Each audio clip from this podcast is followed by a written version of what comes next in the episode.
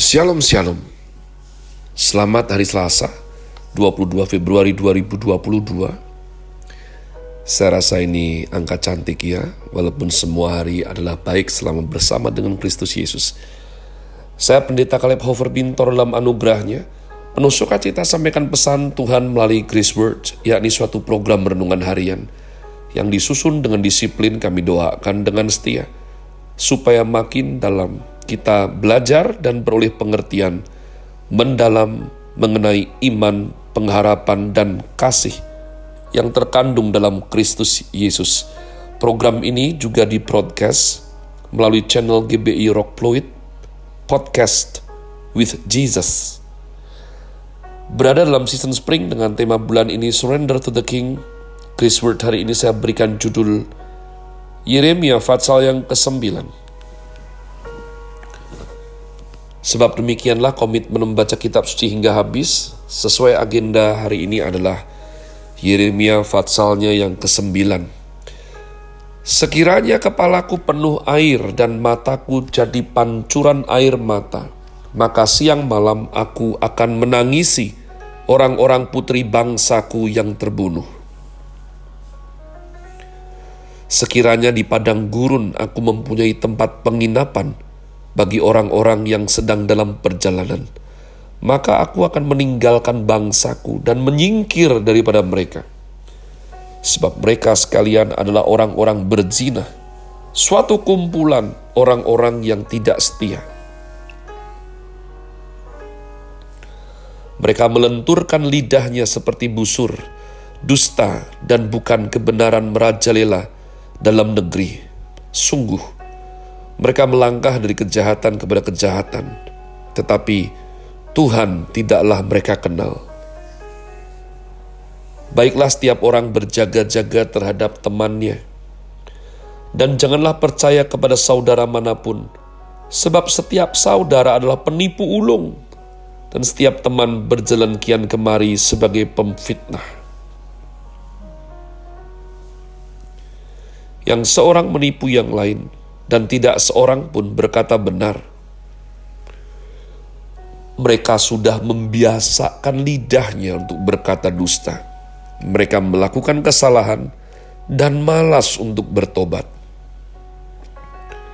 Penindasan ditimbuni penindasan, tipu ditimbuni tipu. Mereka enggan mengenal Tuhan.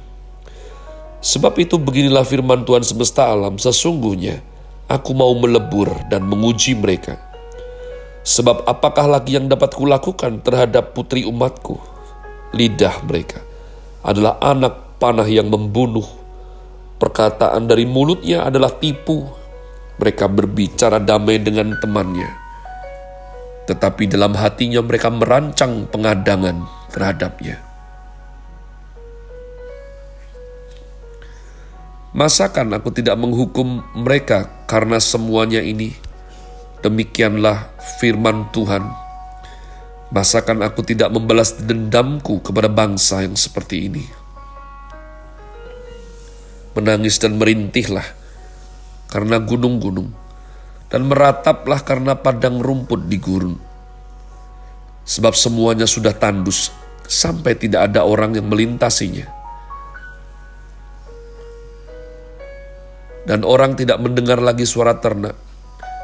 Baik burung-burung di udara maupun binatang-binatang, semuanya telah lari dan sudah lenyap. Aku akan membuat Yerusalem menjadi timbunan puing, tempat persembunyian serigala-serigala. Aku akan membuat kota-kota Yehuda menjadi sunyi sepi, tidak berpenduduk lagi ayat 12 diancam dengan keruntuhan dan pembuangan. Siapakah orang yang begitu bijaksana sehingga ia dapat mengerti hal ini? Orang yang telah menerima firman dari mulut Tuhan supaya ia dapat memberitahukannya. Apakah sebabnya negeri ini binasa, tandus seperti padang gurun, sampai tidak ada orang yang melintasinya? Berfirmanlah Tuhan, oleh karena mereka meninggalkan Tauratku yang telah kuserahkan kepada mereka, Dan oleh karena mereka tidak mendengarkan suaraku dan tidak mengikutinya, melainkan mengikuti kedegilan hatinya dan mengikuti para Baal seperti yang diajarkan kepada mereka oleh nenek moyang mereka. Sebab itu beginilah firman Tuhan semesta alam, Allah Israel. Sesungguhnya aku akan memberi bangsa ini makan ipuh dan minum racun. Aku akan menyerakkan mereka ke antara bangsa-bangsa yang tidak dikenal oleh mereka atau oleh nenek moyang mereka. Dan aku akan melepas pedang pengejar mereka sampai aku membinasakan mereka. Perhatikanlah, panggillah perempuan-perempuan peratap supaya mereka datang, dan suruhlah orang kepada perempuan-perempuan yang bijaksana supaya mereka datang. Biarlah mereka bersegera dan meratap karena kita, supaya mata kita mencucurkan air mata dan kelopak mata kita melelehkan air. Sebab terdengar ratapan dari Sion, Wahai binasalah kami, kami sangat dipermalukan, sebab kami harus meninggalkan negeri ini karena rumah-rumah kediaman kami dirobohkan orang. Maka dengarlah firman Tuhan, hai perempuan-perempuan. Biarlah telingamu menerima firman dari mulutnya. Ajarkanlah ratapan kepada anak-anakmu perempuan, dan oleh setiap perempuan nyanyian ratapan kepada temannya. Maut telah menyusup ke jendela-jendela kita, masuk ke dalam istana-istana kita, ia melenyapkan kanak-kanak dari jalan, pemuda-pemuda dari lapangan. Mayat-mayat manusia berhantaran seperti pupuk di ladang. Seperti berkas gandum di belakang orang-orang yang menuai tanpa ada yang mengumpulkan. Ayat 23, mengenal Allah adalah kebahagiaan manusia. Beginilah firman Tuhan, janganlah orang bijaksana bermegah karena kebijaksanaannya Janganlah orang kuat bermegah karena kekuatannya. Janganlah orang kaya bermegah karena kekayaannya. Tetapi,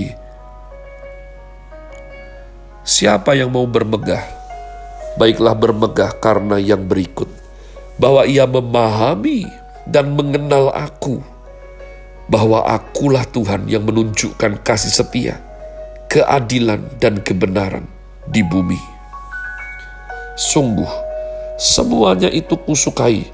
Demikianlah firman Tuhan. Lihat, waktunya akan datang demikianlah firman Tuhan, bahwa aku menghukum orang-orang yang telah bersunat kulit katannya. Orang Mesir, orang Yehuda, orang Edom, Bani Amon, orang Moab, dan semua orang yang berpotong tepi rambutnya berkeliling, orang-orang yang diam di padang gurun, Sebab segala bangsa tidak bersunat dan segenap kaum Israel tidak bersunat hatinya. Umat Tuhan, ngeri sekali. Dalam hidup saya secara real, saya langsung dapat mendapatkan contoh based on very true story. Dua orang, saya tidak bisa sebut namanya. Ya, bagaimana satu orang ini adalah orang yang aktif bermain basket, disayang oleh guru, dan dia binasa meninggal dengan cara yang mengerikan, terbelenggu narkoba. Kalau diingat, sebelum hari-hari buruk itu terjadi, kami para sahabatnya menasehati dia terus, menasehati dia terus dengan lembut, sedang, keras, keras sekali. Saya termasuk yang keras sekali. Seperti seruan Tuhan melalui Nabi Yeremia kamu kalau seperti ini terus kamu mati lu kamu. Goblok kamu. Wah saya maki-maki dia umat Tuhan. Ya, dan lagian waktu itu saya belum pendeta ya. Saya masih belajar ikut Tuhan, tapi saya lihat suatu bahaya yang besar sekali. Saya lihat suatu malapetaka yang dia untai setiap harinya. Bisnisnya baik, Tapi dia mulai make hal-hal yang tidak baik. Istrinya cantik. Tapi dia mulai bermain-main dengan cewek di luar sana yang ya kalau gelap mungkin tampak cantik. Tokonya laris, tapi dia ingin lebih kaya dengan cara yang keliru. Hatinya serakah. Pada hari kemalangan, pada hari-hari akhir di penjara, wajahnya begitu pucat. Setiap tarikan nafas itu bisa menjadi yang terakhir sebab dia terkena penyakit yang jijik, yang buruk sekali, yang tidak bisa disembuhkan dan pasti mati. Dia mengalami neraka sekitar empat bulan sebelum kematiannya. Kawan satunya lagi adalah pujaan para wanita pada waktu zamannya. Nasihat demi nasihat dikatakan, pekerjaan gampang sekali dia peroleh. Bekerja di sini tidak bagus, karena ahli merayu wanita. Dia diterima di perusahaan bagus oleh karena si ibu itu ada main dengan dia. Si ibu merayu suaminya, dia masuk. Begitu terus. Dia jumawa, arogan. Tidak cukup dengan si ibu, anak ibu juga dimakan. Tetangga, sekretaris, semua yang kenal, semua yang baik sama dia sudah bilang, kamu jangan seperti itu. Nanti ancur hidupmu.